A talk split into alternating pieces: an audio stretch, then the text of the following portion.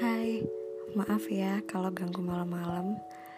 Sekarang baru jam setengah 12 sih di tempatku.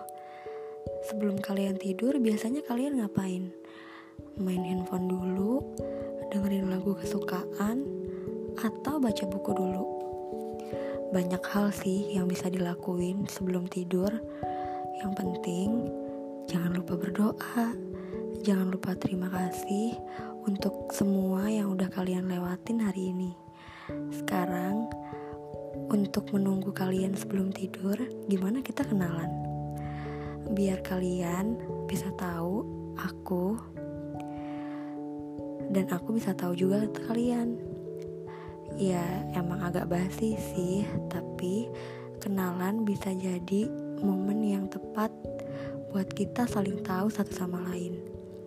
Kalian bisa kenal aku sebagai gadis si pemilik podcast Dunia Manusia atau kalian juga bisa kenal aku sebagai Maria. Ya udah deh, gitu aja. Takutnya kepanjangan. Selamat tidur. Selamat malam.